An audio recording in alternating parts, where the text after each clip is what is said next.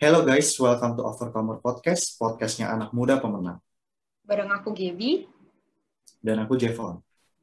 Iya, jadi sebelum kita masuk podcastnya, mungkin kita harus kenalin dulu nih. Overcomer Podcast itu apa sih, Fon? Overcomer ini tema dari rangkaian acara kita. Kita pengen di masa pandemi, teman-teman kita bisa mengatasi atau mengovercome apa yang menjadi masalah dari keseharian mereka. Nah, salah satunya itu tentang time management yang akan kita bahas hari ini. Iya, jadi by the way nih guys, nggak berasa pandemi ini tuh udah ya kurang lebih setahun lebih lah ya ini ya. Udah setahun kita belajar dari rumah, kerja dari rumah, ibadah juga dari rumah, pokoknya semuanya serba at home lah ya. Hari ini guys, kita mau ngebahas struggle yang dialis, yang dialami sama kita semua yang berkegiatan di rumah. Nah, jadi hari ini kita mau membahas tentang masalah getting things done kalau dari aku sendiri sih ngerasain banget ya, susahnya ngatur waktu, time management di masa pandemi. Nggak tahu kenapa, mungkin karena kuliahnya di kamar dan sebelah kasur gitu ya. Jadi iya. rasanya pengen tiduran terus di kamar, kalau nggak absen, terus tidur lagi gitu. Iya, Bukan ngerjain sesuatu. Gitu. Sulit ya, sulit uh, melawan gravitasi kasur ya kalau di rumah, emang susah banget ya. Nah, jadi hari ini kita nggak cuma berduaan, tapi kita juga ditemani oleh seorang kakak yang luar biasa nih. Beliau, cailah beliau, beliau deh.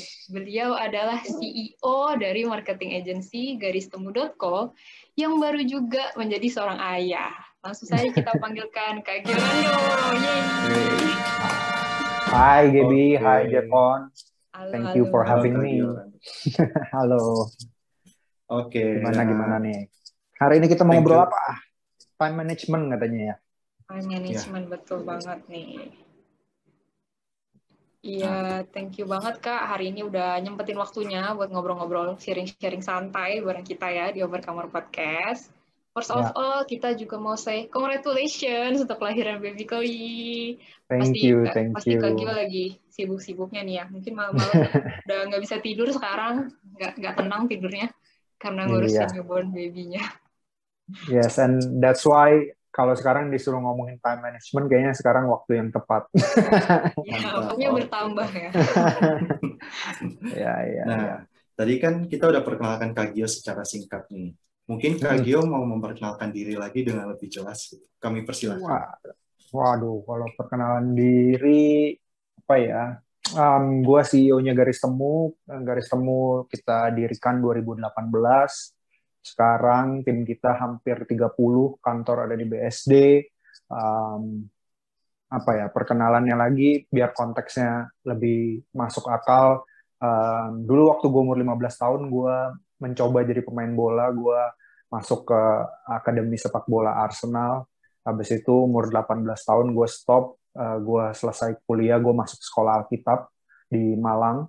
Habis itu satu setengah tahun gue dikeluarin dari sekolah Alkitab Habis itu gue ambil gap year satu setengah tahun. Habis itu gue mulai kuliah di UPH, ambil desain produk tahun 2014. Tahun eh semester kedua gue kuliah di UPH, gue memutuskan untuk bilang ke orang tua gue untuk nggak usah nafkahin gue lagi. Jadi bayangin kuliah desain di UPH, ngekos, semuanya gue biayai sendiri dengan bisnis-bisnis gue yang ada yang nggak jelas, ada yang ada yang aneh ya kan? Waktu itu sambil kuliah gue pernah punya sambil kuliah gue punya tiga bisnis. Bayangin gimana manage-nya uh, kuliah sama tiga bisnis kuliah desain lagi ya.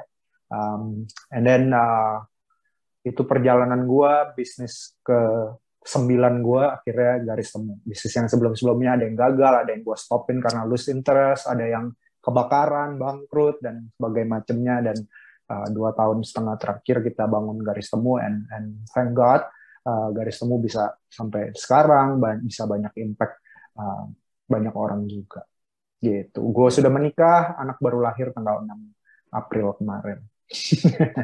Iya ya. Dari kayaknya hidupnya sudah melalui lautan, lembah, gunung dan segala-galanya kayaknya ya.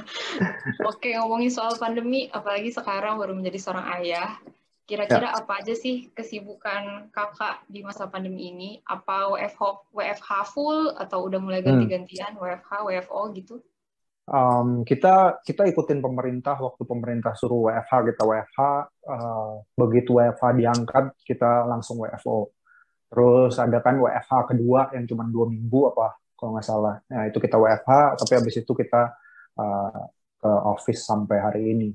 Gitu. Kesibukannya ya kita punya 30-an, 40-an klien ya. Jadi uh, kesibukan kantor kita yang ngurusin klien gitu ya. Cuman kesibukannya gua sebenarnya gua nggak ngurusin klien tapi gua ngurusin perusahaan gua sendiri.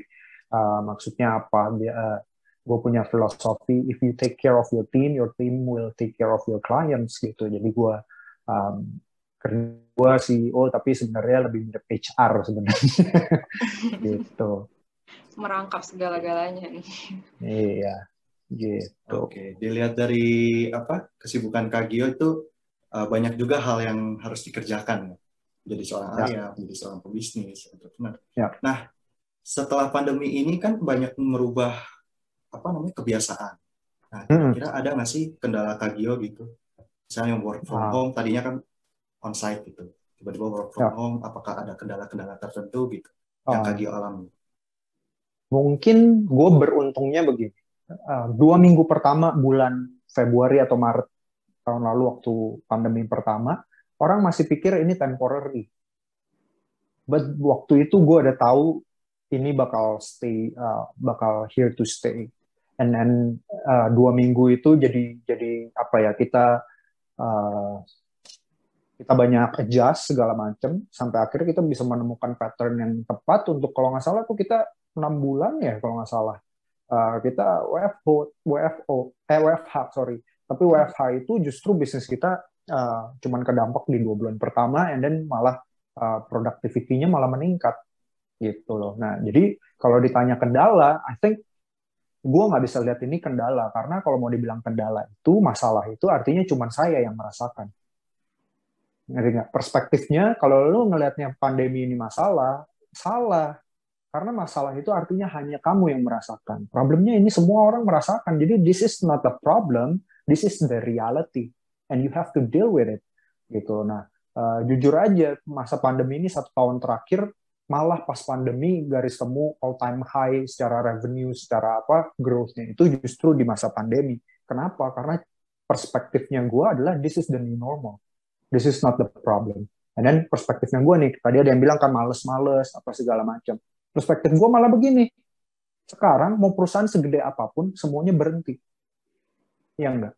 Dulu gue mau kejar sekencang apa pun, pasti udah kalah jauh sama perusahaan yang udah 10 tahun, 15 tahun, 20 tahun, ya enggak? Tapi sekarang semuanya stop. Ketika semuanya stop, kalau gue stop juga kan gue yang gue lakukan adalah gue lari. Kenapa? Karena sekarang saatnya gue bisa lari dan kejar yang besar-besar itu. And that's how uh, we ended up uh, ada sekarang. Uh, gue inget banget awal pandemi itu kita timnya 9 orang, sekarang kita 30 orang. Kenapa? Karena mentalitas gue adalah this is not a problem, this is an opportunity. Gitu.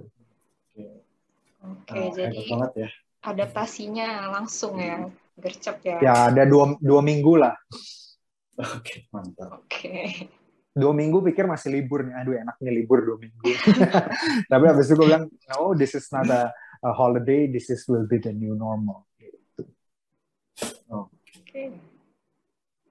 jadi gue malah uh, ininya gue tambahin dikit malah jadi gue melihatnya malah jadi peluang ya contohnya gini uh, gue selain punya garis temu gue juga uh, amplifying my personal branding dengan Instagram gue dan segala macam. Gue juga suka mentoring, gue suka uh, one-on-one conversation sama orang, gue suka sharing gitu ya. Yang tadinya sulit banget karena di tengah gue sibuk, kantor gitu kan. Terus kalau gue ketemu orang lagi, gue harus jalan. Apalagi di Jakarta ya udah pasti satu jam di jalan, habis itu ketemu orang satu jam, terus satu jam pulang lagi. Sekarang gue lakukan itu dengan Zoom semuanya. Dulu kalau mau meeting sama orang, kalau nanyanya Zoom sungkan. Kalau sekarang nanyanya eh, mau ketemu langsung atau pilih Zoom gitu. Jadi Zoom is the new normal, right? Uh, uh, online meeting is the new normal. Ini yang kita lakukan sekarang adalah new normal. Yang tadinya gue bisa satu hari ketemu orang cuma satu atau dua, sekarang gue bisa ketemu orang enam dalam satu hari, tujuh dalam satu hari. While gue masih di kantor dan langsung kalau ada kebakaran gue langsung bisa uh, uh, kalau gue lagi di luar kalau lagi apa ada kebakaran apa kayak klien marah-marah atau apa gue butuh waktu untuk pulang ke kantor. Tapi sekarang jadinya uh, jadi gue ngelihatnya ini opportunity ya. Jadi jadi uh, perspective matters. Oke mantap Uh, jadi kita kan uh, mengadakan pertanyaan di Instagram gitu ya kak. Ya. Menanyakan tentang apa apa sih kendala kamu dari work from home gitu. Kalau dilihat-lihat dari jawaban di Instagram tuh ya semuanya mengalaminya kayak aduh jadi malas gitu. Tapi ya. melihat jawaban kak Gior gitu kayak ini malah sesuatu yang menarik gitu ya, malah menjadi suatu opportunity. Malah perusahaannya meningkat drastis gitu. Nah ini salah satu pandangan pandangan yang menarik sih buatku. Ya. Iya, jadi mungkin teman-teman juga harus mulai melihat dari perspektif yang berbeda. Di sini sih ada beberapa kendala yang dibilang sama teman-teman di Instagram. Kendalanya hmm. cukup relatable, katanya kendalanya kalau WiFi itu jaringan internet. Jadi okay. kita gak usah sebut merek aja ya, kita tahu lah hmm. suka mati ya. Iya, terus ada kendalanya berat badan ya. Aku merasakan nih kendala berat badan. Karena kalau WFH itu nggak olahraga. Pertama-tama aja ya. tuh kan pas Januari kan, eh pas Januari. Pas awal-awal WFH, aduh lari ah, lari pagi. Tapi lama-lama udah, eh ya membengkak lah ya sekarang lah ya udah. Terus yang ketiga kendalanya katanya nggak ada suasana belajarnya banyak hmm. gangguan hmm. di rumah mungkin pas dia lagi belajar mamanya masuk ke kamar suruh makan ya, ya kan jadi suasananya tidak mendukung nih kalau ya. menurut Kak Gio sendiri situasi sama lingkungan itu mempengaruhi produktivitas nggak sih Kak di rumah oke okay. kalau menurut gua it is a problem that uh, apa ya kita bisa expect to happen nggak sih sebenarnya masalah internet by the way gue langsung upgrade internet gue gitu that is the first thing that I do. And then the second thing adalah gue bikin workstation gue di rumah. Jadi gue selalu kerja di situ webinar di situ. Gue uh, instead of pakai pakai baju tidur kerja gue seakan-akan gue pergi ke kantor. Jadi menurut gue kalau yang tadi ya kalau perspektif kita benar ya benar. And then kalau masalah berat badan I think bukan mau ngomongin Gaby ya tapi ininya adalah mau mau pandemi nggak pandemi kalau malas olahraga mau malas aja gitu. Cuman pandemi jadinya ada alasan nih wih bisa salahin pandemi. Kalau nggak tadinya harus salahin diri sendiri gitu kan. Jadi menurut gue um, I don't think it's a, a problem. It's, it's just kita manusia itu suka banget mencari kambing hitam. Dan kita paling suka kalau kambing hitamnya bukan kita. And by the way ini uh, kalau dalam konteks iman gue melihat banyak orang nggak mau jadi uh, ateis di Indonesia. Kenapa? Karena karena kalau jadi ateis ada kenapa-kenapa nggak bisa salahin siapa-siapa, ya kan? Kalau ada beriman, seenggaknya bisa salahin Tuhan gitu. Tuhan kenapa begini gitu kan? Nah jadi uh, ini adalah manusia suka mencari alasan dan mencari kambing hitam gitu. Jadi yang perlu kita lakukan jangan cari kambing hitam. Eh, contoh lagi, suasana belajar tidak tidak kondusif. Lah kalian di kafe bisa kerja kok. Di kafe emang kurang berisik apa? Mau ke kafenya macet dulu ya kan? Jadi yeah. I think um, it's become a norm di sekarang ini pandemi dijadikan kambing hitam. And for me that is the biggest mistake. Gitu. Justru yang tadi gue bilang, if you can see this as an opportunity, by the way banyak banget contoh ya, gue punya teman baik benar-benar bisnisnya meledak miliaran gara-gara pandemi. Literally. Dia seorang dokter, dia tau nggak ngapain? Awalnya sebelum pandemi dia nyuntikin vitamin C, imun boost ke orang. Begitu pandemi dia shift jadi uh, rapid antigen. You know, dalam dalam waktu tiga bulan, tadinya dia colokin sendiri, sekarang dia punya 20 20 dokter. Nah, you know, kalau dokter masih dokter umum, gajinya berapa sih? UMR kayak gitu kan. Sekarang dokter-dokternya bisa bisa dapat 20 sampai 30 juta setiap bulan. Gitu loh. Jadi um, ininya gue adalah kalau kita benar-benar lihat opportunity jadinya beda. Kalau kita ngelihatnya ini selalu struggle, struggle, struggle, bukan masalahnya kita nyalain, tapi mentalnya kita kebiasaan cari alasan. Nah, begitu pandemi ini, otak kita, gue ada alasan gitu loh, kayak rasanya berjaya gitu ya. Padahal um, jangan kayak gitu, justru harus lihatnya sebagai opportunity aku benar-benar setuju banget sih. Maksudnya cari alasan gitu ya. Apalagi apa lingkungan tuh kayak misalkan aku kuliah di kamar gitu. Ya. Uh, mama nanya, kok kamu kuliahnya di sini di ruang tamu lah. Terus aku kayak ngasih alasan-alasan dan menyalahkan situasi gitu. Padahal aku sendiri bisa sebenarnya bisa ke ruang tamu, tapi karena mentalku mental ingin menyalahkan, jadi pasrah gitu. Aduh, ya, ya hmm, Kak Gior benar apa membuka perspektif baru sih, menarik, menarik sekali. Nah, terus uh, tadi kan pertanyaan pertama kita ajukan ke teman-teman di Instagram ya tentang kendala WFH tadi ada yang berat badan naik. Nah, kita juga hmm. menanyakan sih pertanyaan kedua ini apa aja sih yang bikin males gitu. Ya, hmm. Gaby mungkin bisa kasih tahu ya, jawaban-jawaban. Ini kambing hitamnya orang-orang WFH nih yang dijadikan alasan ya kasur. Tadi udah tuh gravitasi kasur tuh alasan utama ya. Terus alasannya uh, sosial media juga bisa ya. Scrolling scrolling gak berasa ya kan? Tahu dua jam melayang. Tahu-tahu udah eh udah sore. Terus games. Ah uh, ini sih ya yang main game pasti tahu nih ya. Bisa sampai subuh-subuh bukan yang ngerjain tugas malah main game ya kan terus ini juga yang dialami sama semua mahasiswa sama siswa juga. E, katanya kalau WFH itu gak paham sama materi dan tugasnya banyak. Kalau tugasnya banyak betul. Karena aku merasakan ya seberapa tiba-tiba semuanya jadi project kan karena keterbatasan.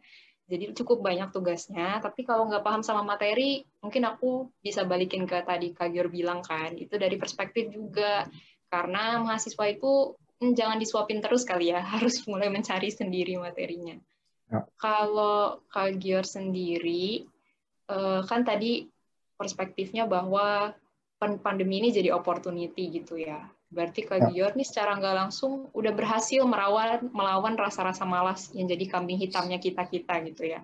ya. Gimana sih Kak caranya supaya kita itu tidak tergoda untuk rebahan gitu, supaya kita okay. mau berdiri. Oke. Okay. Ininya gue adalah gini, you are not lazy, you just don't, don't like to do it. Itu dua hal yang beda.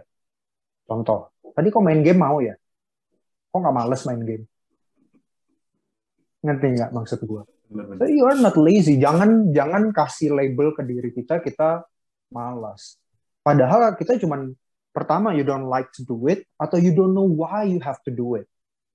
Itu aja gitu. Tadi pertanyaannya kenapa Kak Gior bisa melawan males? By the way, gue gue orang paling males yang bisa lu kenal. Seriusan.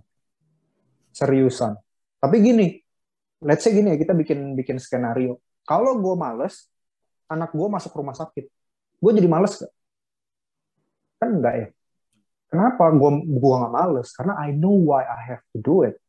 Sama, tadi ketika perspektifnya gue lihat ini opportunity, gue bilang ini bisa kejadian kayak gini lagi 100 tahun lagi. If I miss this, gue nggak nggak punya peluang apa-apa lagi. I know I have to get up and and and work, gitu loh. Jadi jadi yang pertama adalah mungkin you just don't like doing it. Yang kedua adalah yang pasti ini yang pasti adalah you don't know why you have to do it. Gitu. Jadi uh, menurut gua knowing itu dua hal itu membuat lu tidak menjudge diri lu pemalas. Karena kalau lu udah melabel diri lu pemalas, segala sesuatu yang terjadi nanti di alasannya, ya kan gue pemalas, ngerti gak sih maksud gue? Gitu loh. Tapi contohnya gini, gue tahu gue orang yang sangat malas, itu kenapa gue orang yang sangat kreatif. Karena gue orang yang sangat malas orang yang rajin nggak bakal kreatif karena dia merasa semuanya harus dikerjakan aja gitu loh orang malas selalu memikirkan gimana gue bisa kerjakan ini lebih cepat lebih murah lebih uh, lebih baik gitu loh. Jadi malas itu is a strength for me. Gitu. Gue ngelihatnya itu jadi strength gue contoh ya tadi lo bilang gravitasi kasur itu tinggi. Gravitasi kasur gue lebih tinggi. Tapi you know what? I built my my company waktu itu di, di kasur gue gila kurang enak apa lagi? Gue gua sambil kerja di HP apa semuanya di di kasur gitu loh. Jadi kembali lagi ya it's a matter of perspective. Lu mau lihat kasur itu jadi jadi alasan atau lu mau lihat enak ya gue bisa kerja sambil di kasur. Ngerti nggak maksud gue gitu loh. Jadi uh, ininya gue I built my my personal branding itu di kasur. Literally di kasur. Ya sekarang udah udah enggak tapi awal-awal waktu WFH itu literally bikin kontennya apanya rekamnya itu rekam voice note apa gitu ya di kasur. So the beauty of internet the beauty of digital world is you can build your empire you can build your future dari kasur lu instead of lu salahin kasurnya lu lihatnya dari kacamata itu orang zaman dulu nggak bisa dia harus pergi ke sawah ngerti nggak maksud gue Gitu. Iya, okay. jadi instead of lihat kasur sebagai kendala ya, kerjakan yang bisa dikerjakan di kasur, kerjakan saja ya. Kenapa tidak? Ya. Oke. Okay. Iya, tadi uh, Kak Gior, aduh, ini benar-benar perspektif yang baru ya. Aku, nggak pernah kepikiran sampai situ sih. Maksudnya kayak ternyata kita tuh selama ini menyalahkan kalau menganggap mindsetnya tuh gue males, gue males. Padahal sebenarnya kita nggak tahu tu, tujuan kita tuh ke mana.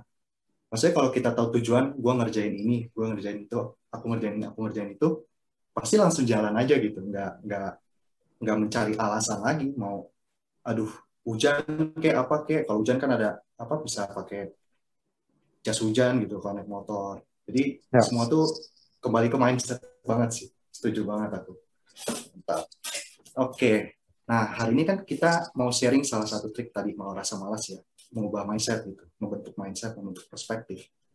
Nah, tapi di sini kita um, ingin pakai time management gitu kak, kak gitu. Hmm. Nah, kalau menurut kakak tuh time management tuh apa sih? Oke, okay. so gua lumayan against time management sebenarnya. Kenapa? Gini loh, manajemen itu manajemen orang atau manajemen duit dua-duanya plentiful, right?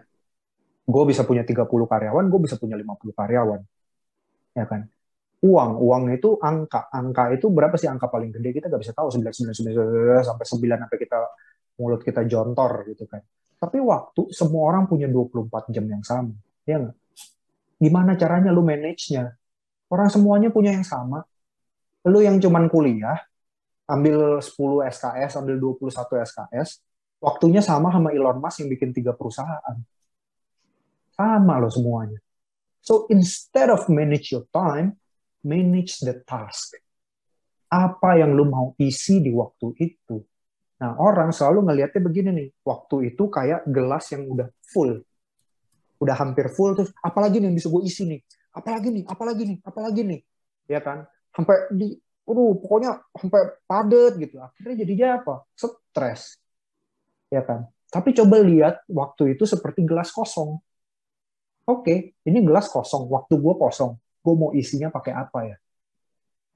Oke, gue isi uh, podcast satu jam. Gue isi uh, kerja dua jam. Gue isi main game satu jam. Gue isi apa? Lama-lama kita tahu, oke, okay, gue punya 24 jam, 8 jam 6 jam gue tidur, ya kan, sisanya adalah 2 per 3 hari gue, gue mau isi dengan apa?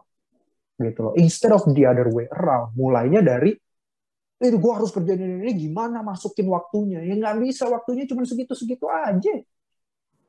Ya, jadi ininya gue adalah don't manage your time, manage the task you wanna do inside the time. Kadang-kadang begini, contoh ya, gue terbiasa bekerja itu semuanya paralel orang pikir Gior adalah multitasker.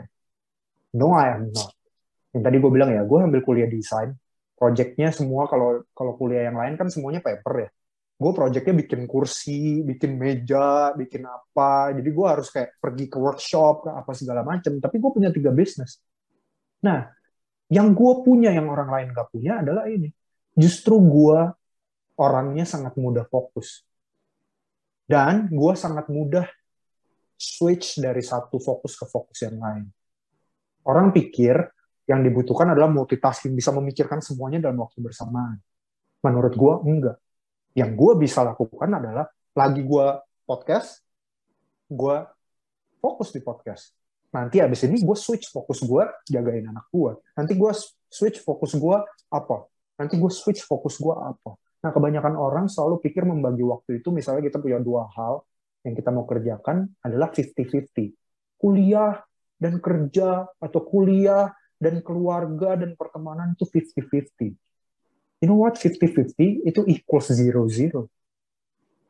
Sadar gak sih? 50-50 equals 0-0.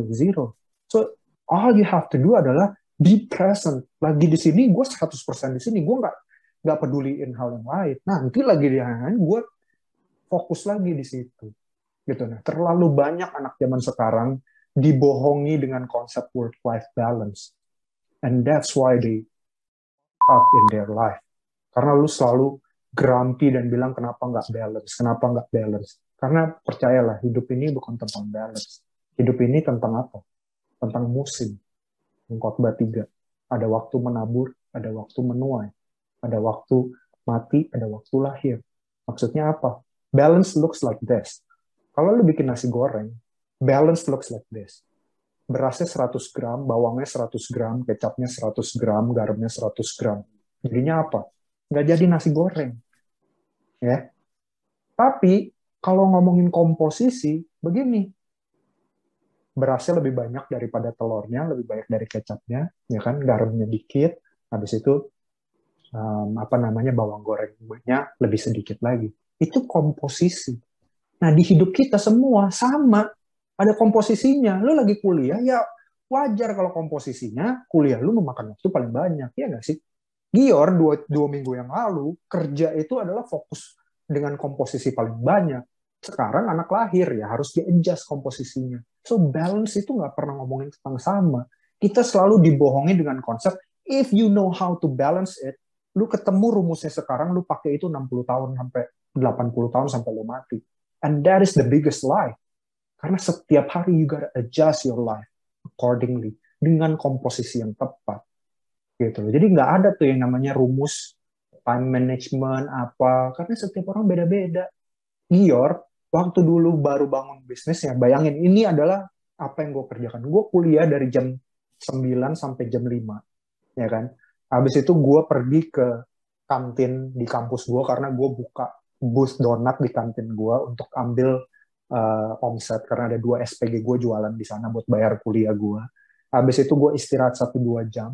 Habis itu jam 7, jam 8 gue pergi ke workshop temen gue untuk ngerjain bisnis kedua gue karena dulu gue belum punya mesin.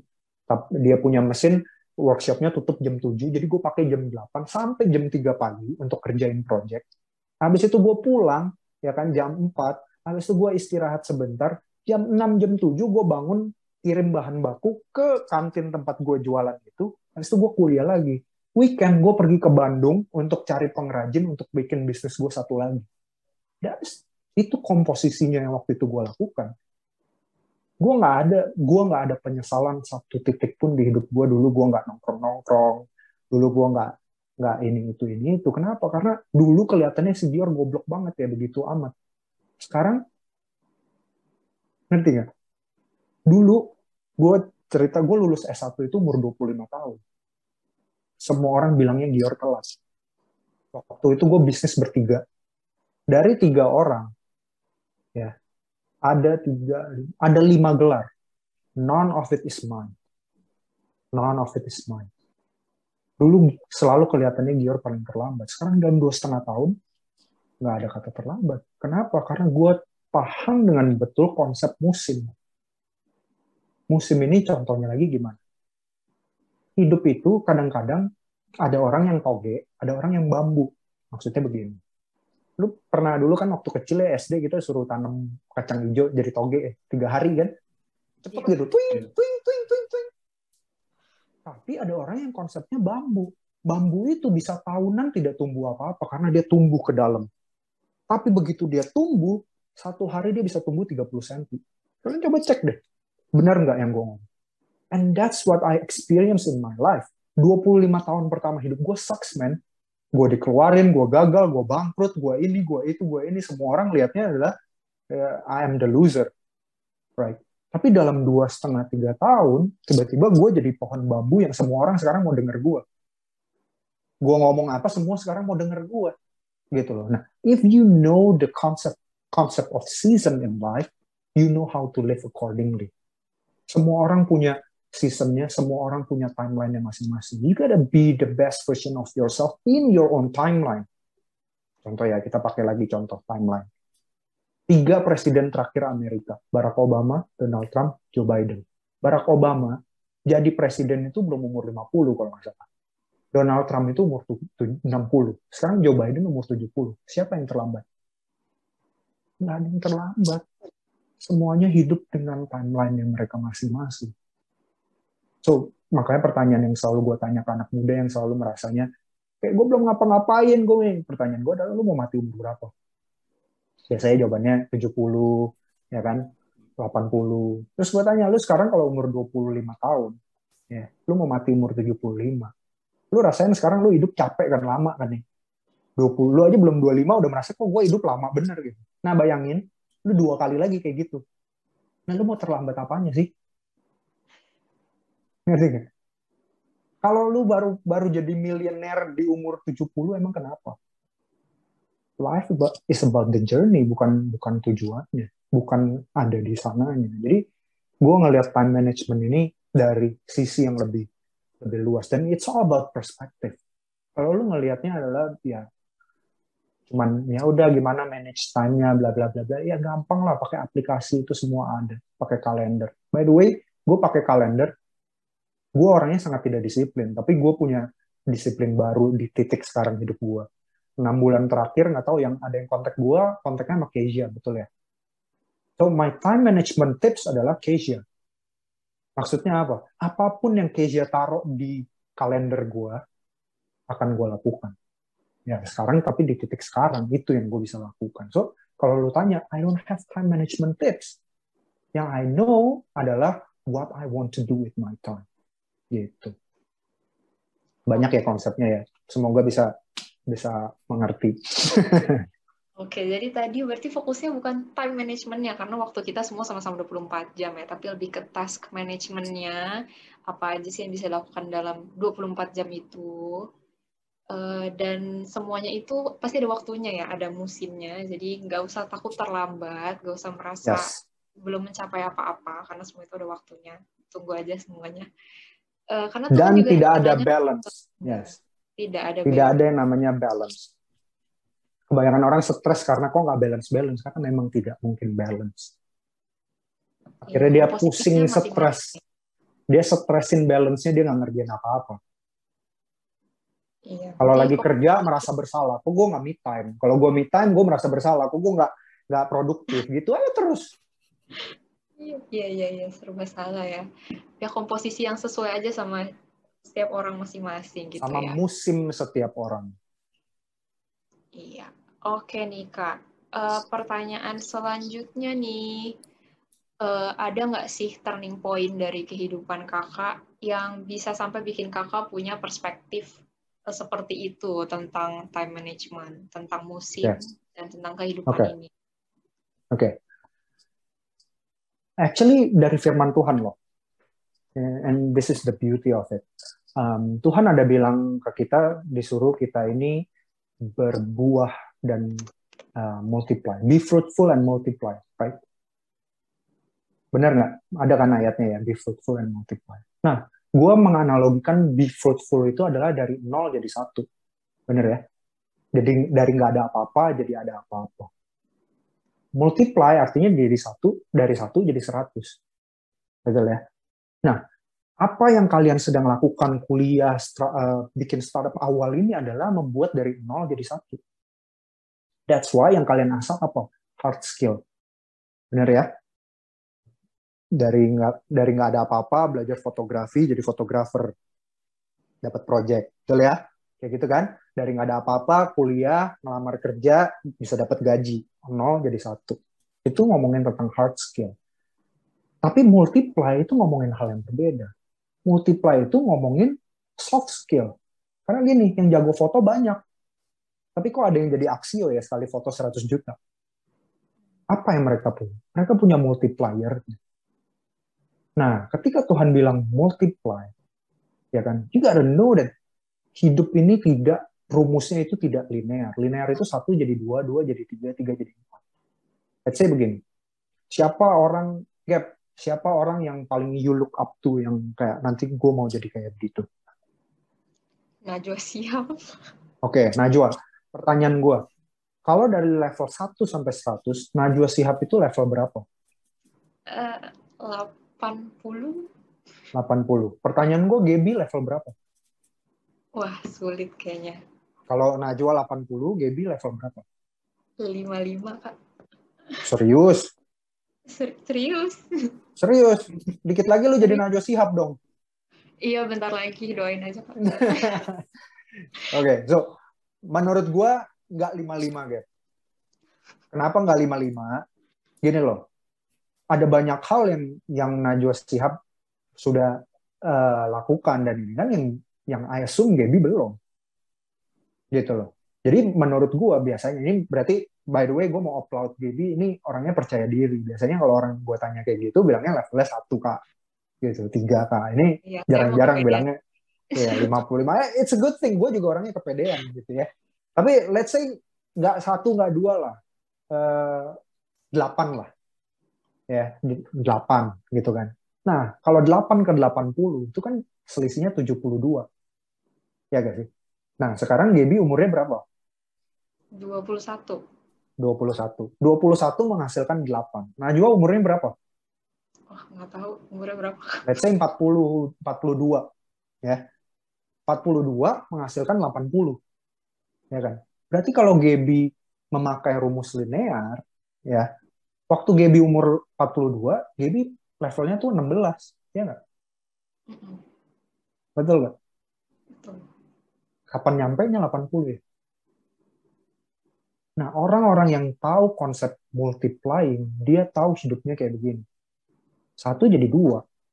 Ya kan? Semua orang satu jadi dua. Tadi ya, nol jadi satu. Ya kan? Be fruitful. Nol jadi satu. Satu jadi dua. Ya.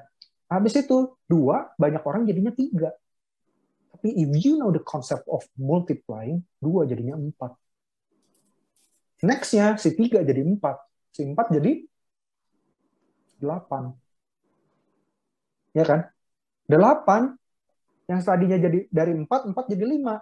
Si 8 jadi 16. Tadi mulainya sama-sama ya. Tapi sekarang bedanya kok 11. 16 sama 5. Ya gak? Tiba-tiba si 16 itu next-nya jadi 32, yang ini jadinya 6. Habis itu 32, si Gaby punya anak. Jadi hidupnya tidak bisa dimultiply dua kali. Nggak apa-apa, dia tetap 32. Gitu ya. Habis itu si ini naik nih, jadi 7. Gitu kan.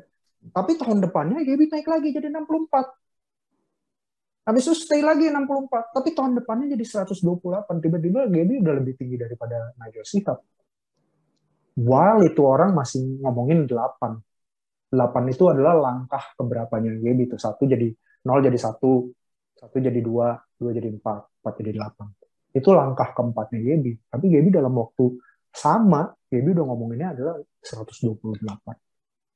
Nah, if you master the concept of multiplying, you know that Tuhan bisa pakai hidup lu itu secara eksponensial. Yang tadi gue bilang ya, the first 25 tahun hidup gue sucks, man. Nobody wants to be me. Right now, I bet, ya lumayan lah. Mau nggak kayak gue gini, kayak punya perusahaan apa ya ada lah yang mau oh iya mau gitu ya follow minimum followers followers gue mau gitu tapi kenapa gue bisa ini karena I know the concept of itu multiplying itu ngomongin leverage. Tuhan kasih kita leverage di hidup kita banyak banget. Waktu itu leverage kita. Time is on your side. Ya, yeah. bayangin kalau Gaby tadi mulai nol itu adalah umur 21 tahun. Bayangin sama orang yang mulainya umur 80. Nanti nggak? Lu bisa 21 ke 80, stepnya bisa berapa? 128 jadi 26. Eh, terus gitu bisa sampai berapa? Orang yang umur 80 udah 4, 4 step mati. Ngerti time is on your side. Gitu buat anak-anak muda sekarang. Yang kedua apa? Tuhan kasih lu orang tua yang bisa sekolahin lu, kuliahin lu. Your knowledge is, is something that Tuhan kasih kesempatan buat lu ada. Relasi, network, itu semua adalah multiplier yang Tuhan kasih. Tapi multiplier itu harus bisa dimanfaatkan dan manfaatkannya pakai apa? Pakai soft skill-nya kita. Kalau kita nggak ngerti caranya caranya ngobrol sama orang, gimana cara kita bisa pakai uh, network kita. Kalau kita nggak pakai skill wisdom kita, gimana cara kita pakai knowledge kita? Ya nggak? Kalau kita nggak ngerti personal finance, gimana caranya kita bisa pakai uang kita untuk multiply, untuk untuk jadi leverage kita? Gitu loh. So, ininya adalah keluaran tiga. Keluaran tiga, Musa bilang sama Tuhan, Tuhan, gua nggak bisa pimpin bangsa Israel. Habis itu Tuhan ngomong-ngomong, bisa lah, bisa. Terus mereka argumen gitu kan bisa enggak Tuhan nggak bisa bisa terus tiba-tiba Tuhan tanyanya gini Musa what's in your hand out of nowhere gini gue lagi ngomong-ngomong gini tiba-tiba gue tanya Gap di tangan lu ada apa lu bingung dong eh, Musa gembala gitu kan eh, dia jawabnya adalah staff tongkat habis itu kita ngobrol lagi ngobrolin time management lagi ngobrolin apa lagi gitu kan satu pertanyaan itu banyakkan orang ketika baca passage itu dia lewatin. Tapi kalau kita benar-benar ini, Tuhan tanya ke Musa, waktu Musa bilang nggak bisa, nggak bisa, nggak bisa, Tuhan tanya, Moses, what's in your hand? Dan Moses bilang, a staff, God. Tahu tongkat itu? Beberapa pasal selanjutnya Tuhan pakai buat membela Laut Merah. Tongkat itu yang dia bilang di tangan gua ada tongkat, memberikan tulah 10 tulah ke bangsa Mesir, mengeluarkan bangsa Israel. Artinya apa? Tuhan nggak minta kita dari yang kita nggak punya. Tuhan minta apa yang ada di tangan kita. Ya nggak? Waktu lu, knowledge lu, network lu, orang tua lu, itu semua Tuhan udah kasih ada di tangan lu. Dan ketika Tuhan nanti ngejudge, apakah Gaby adalah a good and faithful servant, dia lihatnya dari apa yang ada di tangannya. Ketika Tuhan ngejudge Devon, ya kan, Tuhan bilang, gue kasih satu, lu kuburin. Ya, konsepnya Alkitab gitu loh. Konsepnya adalah apa yang kita dikasih dan kita tidak pakai akan hilang. Apa pun yang kita punya tidak kita pakai akan hilang. Ya kan? Yang dikasih satu talenta nggak dipakai hilang kan? Yang gue bingung yang dikasih lima jadi lima ditambahin satu lagi. Kenapa kok masalahnya bukan di lima dan satunya, tapi si lima tahu gimana leverage what's in my hand. Lima itu kan modalnya bukan dari punya dia ya, tapi dia bisa menghasilkan lima yang punya dia. Nah, bisa bis lima jadi lima, habis ini jadi berapa? 20 dong. Tapi Tuhan kasihnya modalnya lima dia pakai semuanya. Gitu loh. Jadi ininya gue adalah that is the concept of multiply.